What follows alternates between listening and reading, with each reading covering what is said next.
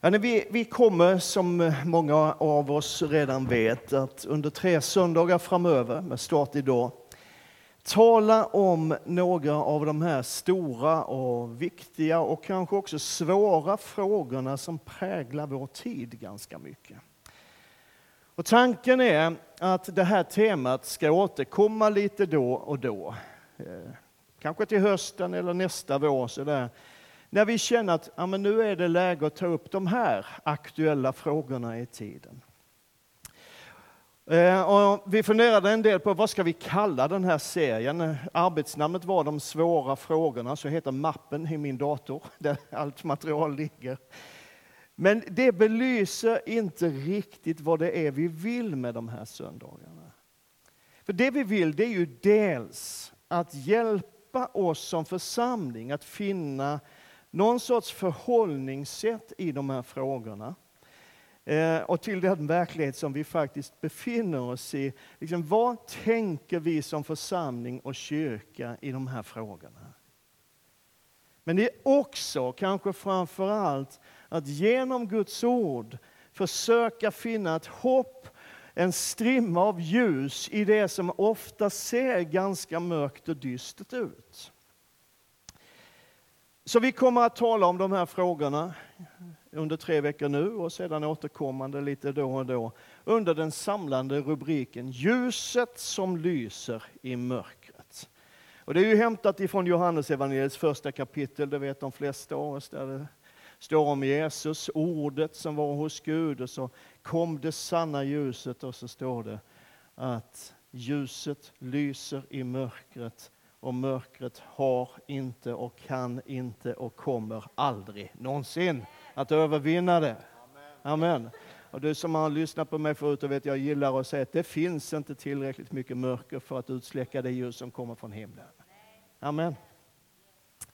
Och den här omgången så är då de tre teman som vi har satt för tre söndagar. Miljökris och klimat och ångest. Visst låter det härligt?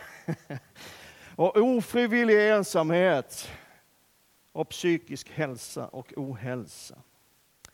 Och idag så ska vi läsa eh, delar av ett bibelsammanhang som också kan kännas lite dystert, men vi kommer att hitta en strimma ljus. Så håll ut, jag tror vi kommer hitta rätt så mycket ljus faktiskt. Och det vi ska läsa det är hämtat ifrån ett samtal som Jesus hade med sina lärjungar om tidens avslutning och det som ska ske sen och lärjungarna har ställt frågan till Jesus, men när ska det ske? Ja, då står det så här i Lukas 21, vers 1, eh, 10 och 11 och 25 till 26. Han sa till dem, folk ska resa sig mot folk och rike mot rike. Och det ska bli stora jordbävningar och svält och pest på den ena platsen efter den andra och skrämmande syner och väldiga tecken från himlen. Tecken ska visa sig i solen och månen och stjärnorna och på jorden ska folken gripas av ångest och stå rådlösa vid havets och vågornas dån. Människor ska tappa andan av skräck i väntan på det som ska drabba världen, för himlens makter ska skakas. När jag var ny i tron för sådär 44 år sedan, det kan man knappt tro, eller hur? Jag kom till tro när jag var ett år gammal. Nej. Men då, då fanns det en ganska tydlig uppdelning i kristenheten. Å ena sidan de som pratade ganska mycket om miljö och fred och global rättvisa. Å andra sidan de som menar att det enda uppdraget vi har som kristna är att predika evangeliet om frälsning för en förlorad mänsklighet.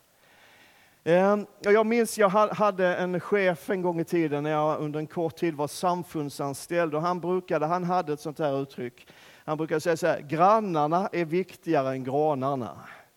Ehm, och det låter ju kanske sant, men samtidigt så, ja. Ah. Men de här två sidorna möttes liksom aldrig. De som fokuserade på miljö och fred och global rättvisa talade ganska lite eller inget alls om människans behov av frälsning och omvändelse. Och vi, liksom i den pingstkarismatiska väckelsesidan, talade väldigt lite eller inget alls. Om miljö och solidaritet med de förtryckta och fred och sådana här saker.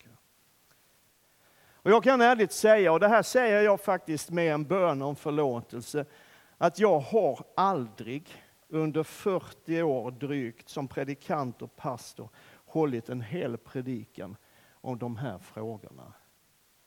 Och för det är jag ledsen. För grejen är att det här är en av vår tids allra största frågor. Och man behöver nog vara ganska rejält faktaresistent för att inte inse att det händer saker med den värld som vi lever i. NASA, som eh, bland annat sysslar med rymden och amerikaner i rymden, har också en del andra projekt på gång. Man har en sajt som man kallar för Global Climate Change, där NASA rapporterar om vad som händer med den här världen. Om man konstaterar, jag ska bara ta det här snabbt, att den globala temperaturen ökar, världshaven blir varmare. Att istäckena vid Nordpolen och Sydpolen blir mindre och mindre med extrem hastighet. Enligt World Wildlife Association så försvinner isen vid Nordpolen med cirka 13 procent på tio år. Och med det tempot, om det fortsätter, så kommer Nordpolen att vara helt isfritt år 2040. Det vattnet ska ta vägen någonstans och kommer att höja havsnivån. Glaciärerna minskar, en del har redan nästan försvunnit. Snötäckena blir mindre, försurningen av haven ökar och extrema väderfenomen ökar och vi upplever de här grejerna som vi inte är så vana vid också i vårt land. Man kan lägga till att sedan 1970 så har 15 procent av regnskogarna i Brasilien skövlats. Då pratar vi om, lyssna nu, då pratar vi om 900 000 kvadratkilometer. Det är två gånger Sveriges yta. Och vi behöver förstå att de här frågorna om vår miljö, om vårt klimat, om den värld vi lever i, är på riktigt att vi faktiskt står inför ett allvarligt problem. Och vi behöver inse som församling, och det är väl kanske den stora anledningen till att jag vill predika det här och tala om det här. Vi behöver inse som församling att detta är någonting som skapar ångest och förtvivlan hos många, många människor, inte minst i den unga generationen. Och det finns en växande rörelse, det vet du, mot konsumismen, där man ifrågasätter i stort sett allt i den västerländska livsstilen. Det finns massor med unga människor som äter veganskt därför att man har fått för sig att tro att det är bättre för miljön. Det kanske det är, jag vet inte. Det finns människor som vägrar att flyga eller som i alla fall betalar extra för sin flygresa för att kompensera för sin miljö och klimatpåverkan. Och det finns ett enormt engagemang i de här frågorna. Och när vår egen Greta, hon måste ju få vara med en sån här gång, när hon talar så lyssnar världen. Hon har 14,8 miljoner följare på Instagram, det är fler än vad du har. Varför tar jag upp det här? Jo, därför att vi behöver konstatera en sak, att om inte vi i kyrkorna tar de här frågorna på allvar, så gör i stort sett alla andra det i alla fall. Jag mötte för ett tag sedan, för första gången i mitt liv, en person som var sjukskriven på grund av klimatdepression. Och jag kände jag var tvungen att kolla, finns det en sån diagnos? Och så upptäckte jag att det gör det. I maj 2019 så skrev 117 legitimerade psykologer och psykoterapeuter ett öppet brev till vår regering där man allvarligt varnade för riskerna att barn och unga hamnar i destruktiva processer på grund av klimatfrågan. Och en enkel googling på Climate Depression Disorder ger över 30 miljoner resultat. Och den amerikanska psykologföreningen beskriver ekoångest som den kroniska rädslan för miljökatastrofer som kommer från att observera de till synes oåterkalleliga effekterna av klimatförändringar och den tillhörande oron för ens egen och kommande generationers framtid. Den Svenska kyrkan, åtminstone i Stockholms stift, har en hel sida på sin sajt om klimatångest. Så igen, det här är på riktigt ett problem i vår tid.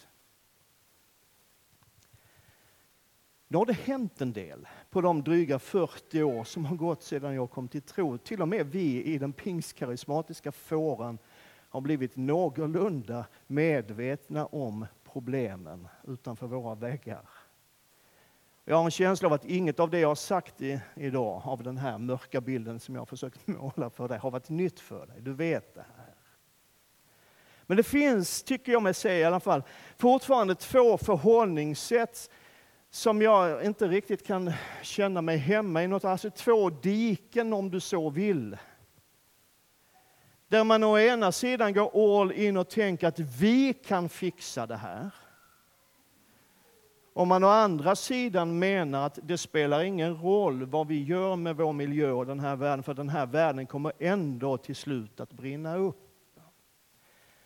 Och just det där tänker jag, jag, jag gör en annonsering här mitt i predikan. Just det där tänker jag hålla en bibelstudieserie om till hösten. Eh, inte bara det, om ifall världen ska brinna eller inte, för det, det blir ett ganska kort bibelstudium. Men jag tänker så här, låt oss ta reda på vad Jesus själv säger om tidens avslutning och när han ska komma tillbaka och hur det ska vara. Du kommer inte att syssla så mycket med de 70 årsveckorna i Danielsboken och, och alla de här grejerna. Utan vad säger Jesus om tidens avslutning? Jag tänker att det är bättre att göra det i bibelstudieformatet så att vi kan samtala än att jag ska stå här och dunka in vad jag tror på. Därför att det finns så mycket olika tankar och idéer. Vi har hört så mycket olika sorters undervisning, så det kan nog vara rätt så bra att få prata om det där. Men det blir i höst, nu lämnar vi det för tillfället. För grejen är då, alltså frågan som blir och som jag skulle vilja syssla med en stund framöver idag, det är liksom, finns det ett vettigt och hållbart förhållningssätt i frågan om vår miljö och klimat och de förändringar som sker? Och finns det någon sorts hopp att hålla fast vid när det gäller klimatet och miljön. Och innan jag försöker svara på det så måste jag nog ändå tyvärr konstatera att det nog inte håller att vi sätter oss hopp till oss själva och till mänskligheten i de här frågorna. Jag kanske har blivit gammal och cynisk, det är många som nickar nu. Men jag har svårt att tro faktiskt att vår egoism och vår njutningslystnad och vår bekvämlighet kommer att förändras särskilt nämnvärt. Vi pratar ganska mycket men vi gör ganska lite. Det är till exempel bara en procent av alla som flyger som faktiskt betalar den där extra avgiften som på något sätt skulle kunna kompensera vår klimatpåverkan. Och vi speciellt vi i västvärlden, fortsätter att leva långt över det som borde vara vår del av jordens tillgångar. Om alla levde som vi svenskar, så som vi lever, så som du lever. Vi tar dig som exempel nu. Om alla levde som du i den här världen, så skulle det behöva, behövas fyra jordklot för att producera de resurser som krävdes då. Om alla levde som du. Vi är inte värst. Om alla skulle leva som de gör i Qatar så skulle det krävas nio jordklot. Om alla levde som de gör i Luxemburg så skulle det krävas 8,2 och i USA 5,1. Så vi är inte värst. Men vi är långt ifrån bäst. Och det kan ju vara bra att veta, för det finns ganska många som tycker och hävdar att nu kan inte Sverige ta mer ansvar för miljön, nu är det alla de andras tur. Vi ligger på 20 plats. Alltså 20 sämsta plats av världens nationer när det gäller överförbrukning av jordens resurser. Och håll i dig nu, om man räknar på det här sättet hur många jordklot skulle gå åt om alla levde som man gör i det landet. Om man mäter på det här sättet så är vi, är du beredd nu? Så är vi sämre än både Ryssland och Kina. Det gör lite ont att säga det, men det är sant. Finns det andra sätt att mäta sånt där och räkna och göra grafer och sånt där, men, men det här gjorde jag. Som en jämförelse så kan man ju säga då att om alla levde som man gör i Jemen så räcker det med en tredjedels jordklot för att hålla igång den här världen. Och då tänker du precis som jag, fast jag säger det inte, det är du som säger det högt. Ja, men så vill vi inte leva. Och det är klart att vi inte vill. Men vi kanske skulle kunna hitta någon sorts balans i tillvaron. Varför håller du på med det här Hultberg? Jo, därför att jag vill visa att om det finns ett hopp, om det finns ett hopp, vilket jag tror att det gör, så ligger det utanför oss själva. Vi kan inte fixa detta. Men, det här är kanske det viktigaste jag säger hela den här söndagen. Så ta med dig det här jag ska säga nu. Har du anteckningsblock framme? Jag säger så här. Som kristen är det rätt att göra rätt oavsett resultatet. Jag säger det en gång till. Som kristen är det rätt att göra rätt oavsett resultatet. Och det finns väldigt goda skäl för oss som kristna att vårda miljön, att värna skapelsen. Jag tänkte ge dig några sådana. Det finns fler än de jag tar här idag, men jag ska ge dig några, några skäl varför jag som kristen vårda vår miljö, värna vår skapelse. Varför ska jag som kristen ens bry mig om skapelsen? Jag för det första därför att det är Gud som har skapat den. Första versen i Bibeln, i begynnelsen skapade Gud himmel och jord. Och så fortsätter det, du kan den här berättelsen, så fortsätter det med att, att tala om hur Gud skapade atmosfären, hur han skilde land från hav, och skapade växter, han skapade djur, han skapade människor. Och i slutet på varje dag under skapelsen så såg Gud på det som han hade skapat och så konstaterade han, det här är gott. Fy vad bra det blev. Det är det han säger egentligen. Och det blir ju då resultatet av det, att Gud har skapat och Gud har tittat på och konstaterat att det här är superbra. Så blir ju resultatet att den värld som vi lever i, i sig själv är värdefull. Därför att Gud har gjort den och han har sagt att den är god. Och det borde ju någonstans väcka en känsla av uppskattning och vördnad inför skapelsen. Helt enkelt därför att vi uppskattar vår faders verk, vad han har gjort. För det andra, varför ska jag bry mig om skapelsen? Ja, därför att Gud bryr sig om skapelsen. Den är hans och han älskar den. David har fattat grejen. Han skriver så här i den 24 salmen. Jorden är Herrens med allt vad den rymmer, världen med dem som bor i den. För han har grundat den på havet och fäst den på de strömmande vattnen. Den är hans och han gillar den. Om Gud är ägaren till den här världen så har han ju också rätten att diktera hur den ska användas. Eller hur? Om den är hans så är det ju han som bestämmer. Och grejen är att du kan hitta jättemånga specifika instruktioner som vi inte har tid att gå igenom idag i Mose lag som beskriver hur skapelsen ska användas på rätt sätt. Det finns instruktioner om hur du skyddar marker och djur från överanvändning, från övergrepp och från utrotning. Och grejen är att Guds omsorg om den här skapelsen, den är så stor så att när Jesus vill illustrera Guds omsorg om mänskligheten så använder han Guds omsorg om skapelsen som en bild för det. I Matteus 6, du kanske känner igen det och kommer ihåg det, så säger Jesus och talar om, ja men titta på fåglarna på himlen. Och så kolla på liljorna, blommorna på marken. Och vi tänker ibland, ja men Gud, Gud, använd, eh, Gud liksom älskar oss och det kan väl någonstans vara en bild på att han också älskar den här världen. Men Jesus gör tvärtom. Och han använder Guds omsorg och kärlek till skapelsen för att visa att han faktiskt bryr sig om dig och mig också.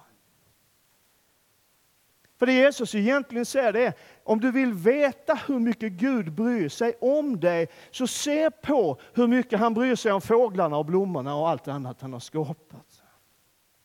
Och då är min tanke lite grann, om Gud bryr sig så mycket om den här världen och den här miljön, skapelsen som vi lever i, borde inte du och jag också kanske bry oss lite grann om den?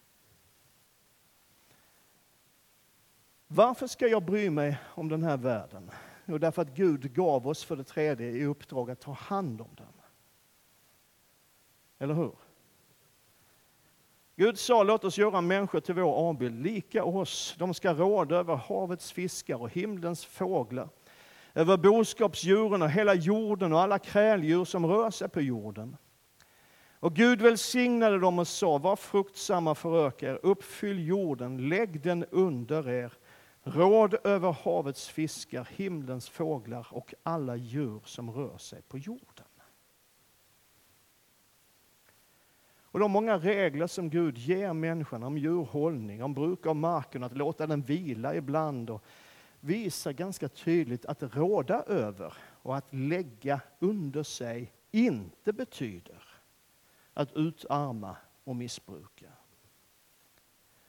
En punkt till just om det här. Sen har jag 96 andra punkter, men just om det här då. Och det här kanske är det viktigaste av allt. Därför att skapelsen vittnar om Gud. Paulus skriver så här i Romarbrevet. Ända från världens skapelse syns och uppfattas hans Guds osynliga egenskaper, hans eviga makt och gudomliga natur genom de verk som han har skapat.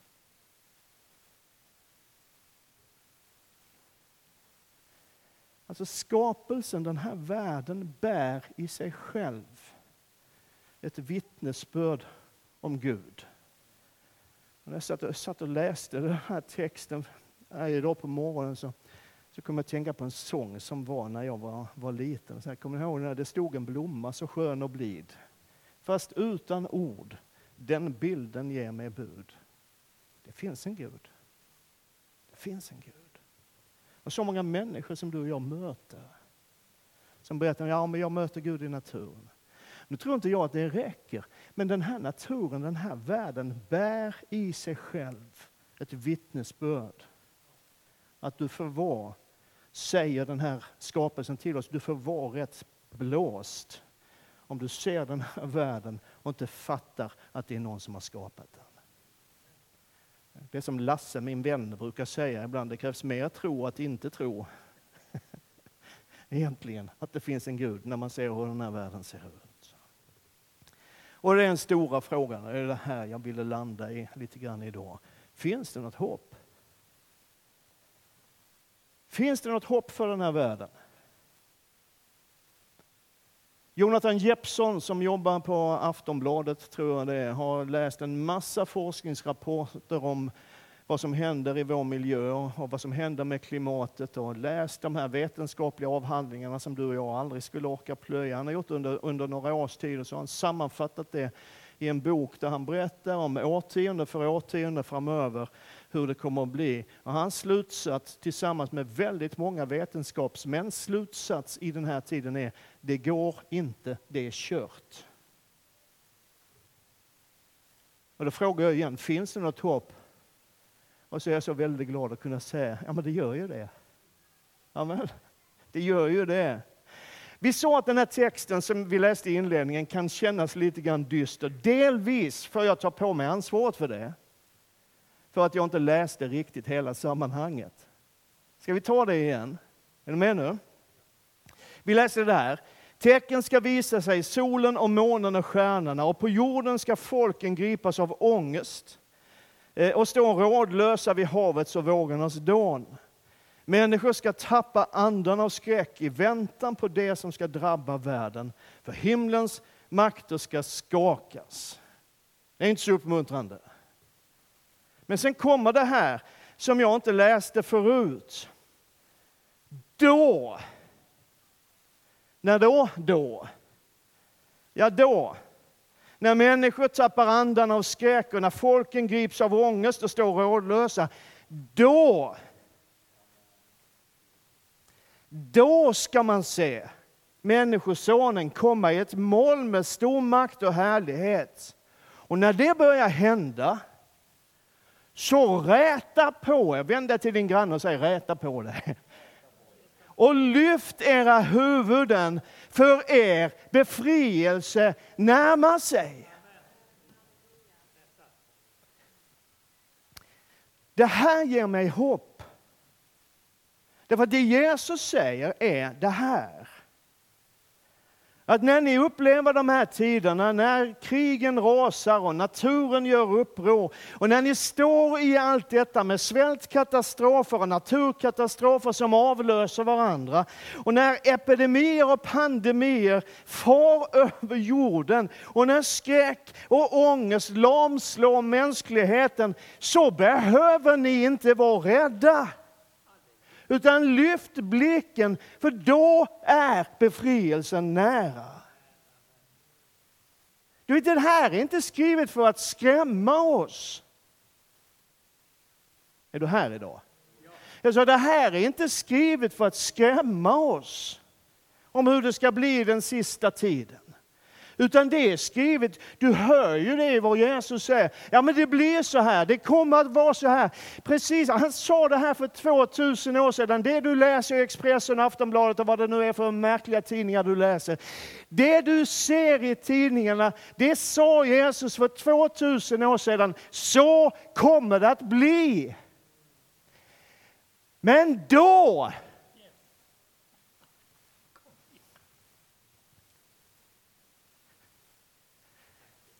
Då, i den tiden, så är det inte ledarsidan i Aftonbladet som har svaret och det är ingen annan tidning heller och det är inga politiker som har svaret. Utan då,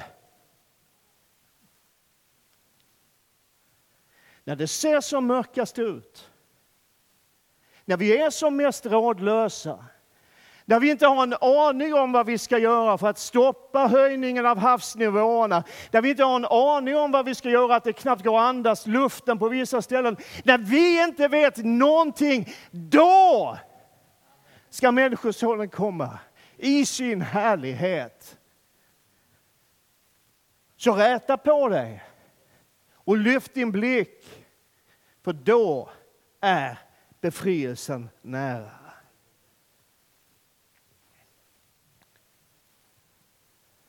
Och du får kalla det eskapism hur mycket du vill. Det bjuder jag på. Men det här är det löfte och det hopp som Guds ord ger till dig och mig. När det är som mörkast, då kommer han.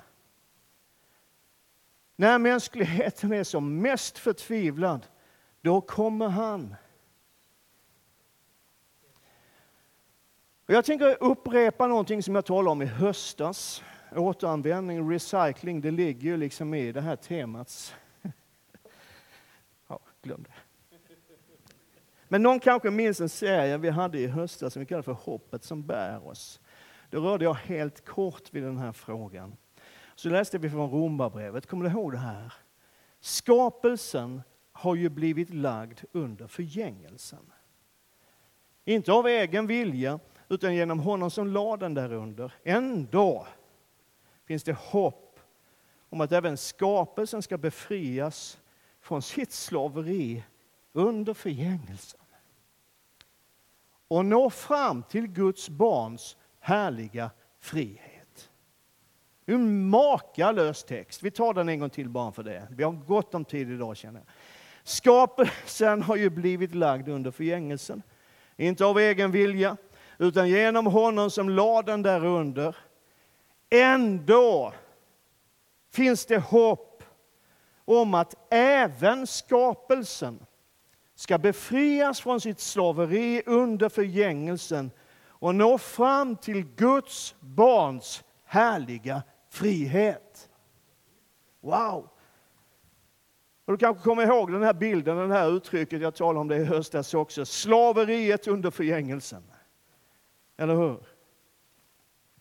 Du såg en skymt av det i morse när du tittade i spegeln i badrummet. Vad betyder det att vara slav under förgängelsen? Jo, men det betyder ju att allting, precis allt egentligen, som lever är på väg att dö. Jag känner att jag har en stark gåva av uppmuntran idag. alltså att ingen, oavsett hur god och underbar och fantastisk man än är, så kommer vi undan detta, utan det som lever just nu är på väg att dö.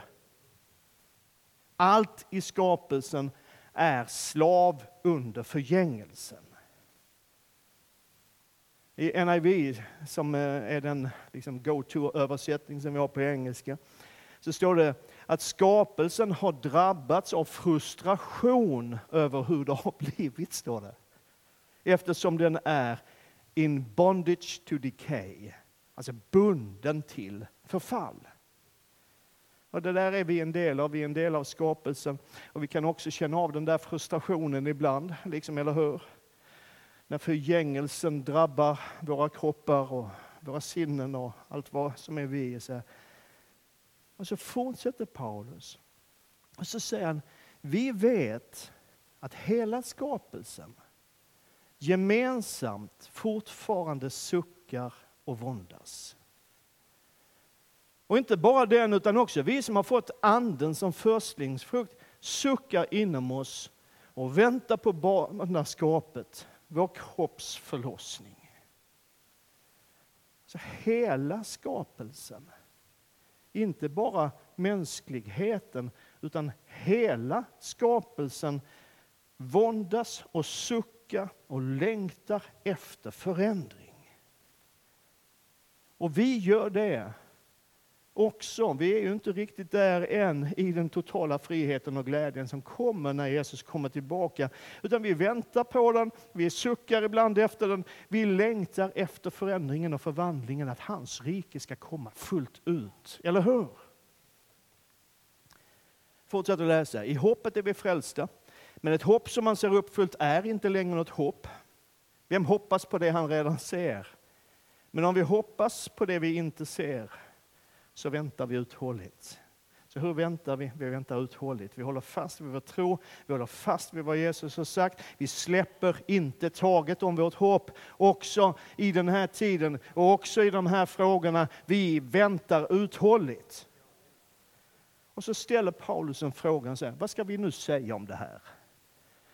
Jag gillar Paulus, han använder väldigt mycket retoriska frågor. Sån här. Och liksom, ja, ni vet. Säger om vad då? Ja, vad ska vi säga om detta med att hela skapelsen är slav under förgängelsen? Bunden vid sitt eget förfall. Vad ska vi säga om det? Och vad ska vi säga om att den här världen faktiskt ser ut att vara ohjälpligt på väg mot sin undergång? Vad ska vi säga om det? Eller vad ska vi säga om att vi lever i en tid när till och med vetenskapen säger att det har gått för långt och att planeten jorden inte går att rädda. Vad ska vi säga om det? Vad ska vi säga om att vi befinner oss i en tid när människor faktiskt står rådlösa vid havets och vågornas dån. Vad ska vi säga om att ibland det är fruktansvärt jobbigt att leva och att det är rätt tufft att vara ung idag, tillhöra en ung generation som ska ärva den här, ursäkta nu, den här skiten som vi äldre har ställt till. Att det är svårt att se ett ljus och att bevara sitt hopp. Vad ska vi säga om det? frågar Paulus. Och svaret blir ännu en retorisk fråga. Ja, vi säger så här, om Gud är för oss, vem kan då vara emot oss? Det är vårt svar. Vad ska vi säga om det här? Vi säger att Gud är för oss. Så vem är då emot oss?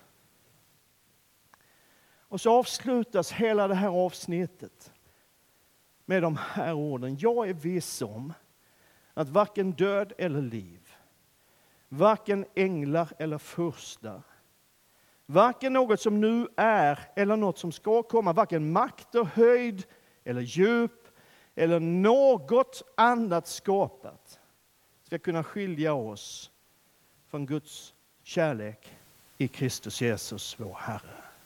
Wow. Där finns hoppet.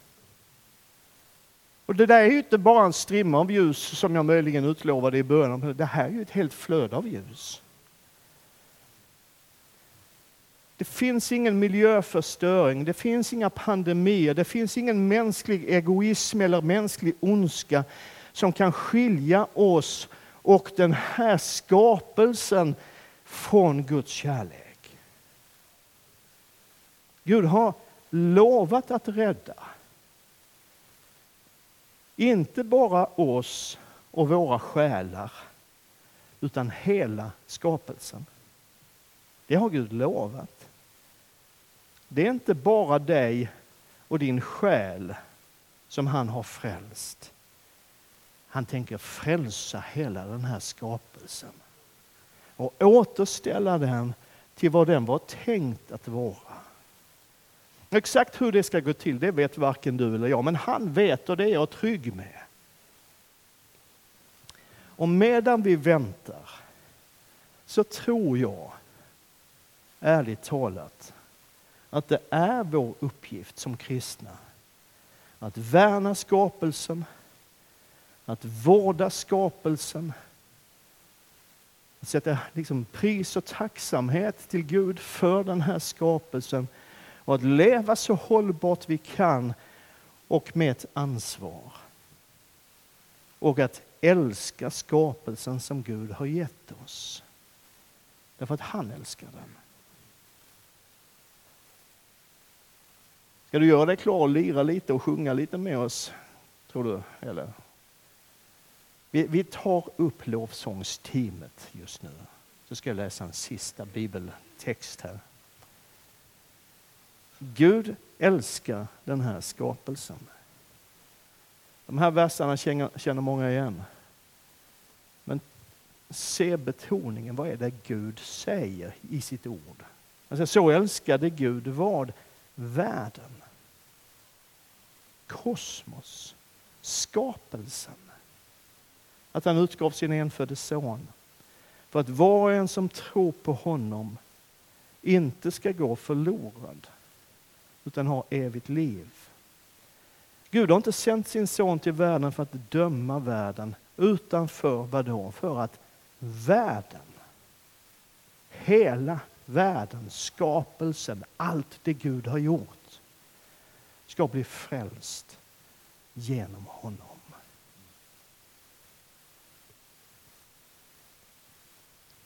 Där tror jag det finns ett förhållningssätt för oss som församling. Vi tar ett ansvar, vi gör det vi kan. Därför att den här världen är skapad av Gud. Han bryr sig om den. Han har gett den i vår vård och den vittnar om honom. Så därför vill vi ta hand om den och göra det bästa vi kan med den. Men vi inser också att vi kan inte rädda den här världen, men han själv tänker göra det. Och allt folket sa Amen. Fanny, vi ska be tillsammans. Och varje lovsång och jag jag har mött ganska mycket människor under de sista, året, sista åren som faktiskt uttrycker rätt stor oro för var är vi på väg. Och Guds ord är så väldigt tydligt och klart. Du behöver inte vara rädd. Bibeln bekräftar att det skulle bli som det har blivit och kanske än värre. Bibeln bekräftar det. Men det är mitt i de texterna som Jesus säger räta på ryggen. Lyft din blick och se han som kommer. När vi är i bön, tillbedjan och lovsång så tror jag att Gud vill lyfta av dig den där bördan, den där ångesten, den där gnagande oron. Jag tror att den ibland drabbar oss alla, liksom den här känslan av hopplöshet. Kanske inte så mycket för vår egen del, vi som har kommit upp i min ålder och äldre än så. Men för våra barns och barnbarns skull. Vad är det vi lämnar efter oss? Och jag tror att det är vår uppgift som Guds församling att tala hopp också in i den unga generationen. Det ser ut som det gör, men det finns en Gud som tänker återställa den här världen till vad han har tänkt att den ska vara. Du behöver inte vara rädd. Så den här stunden av bön och tillbedjan, kasta dina bekymmer på Herren. Låt honom få lyfta av dig oron. Han tänker inte lyfta av dig ansvaret, för det delar vi med hela världen. Men oron och rädslan. Och vill du ha hjälp i bön för det här eller för någonting annat så kommer det att finnas förebedjare på plats borta vid korset. Och så är vi en stund inför Herrens ansikte.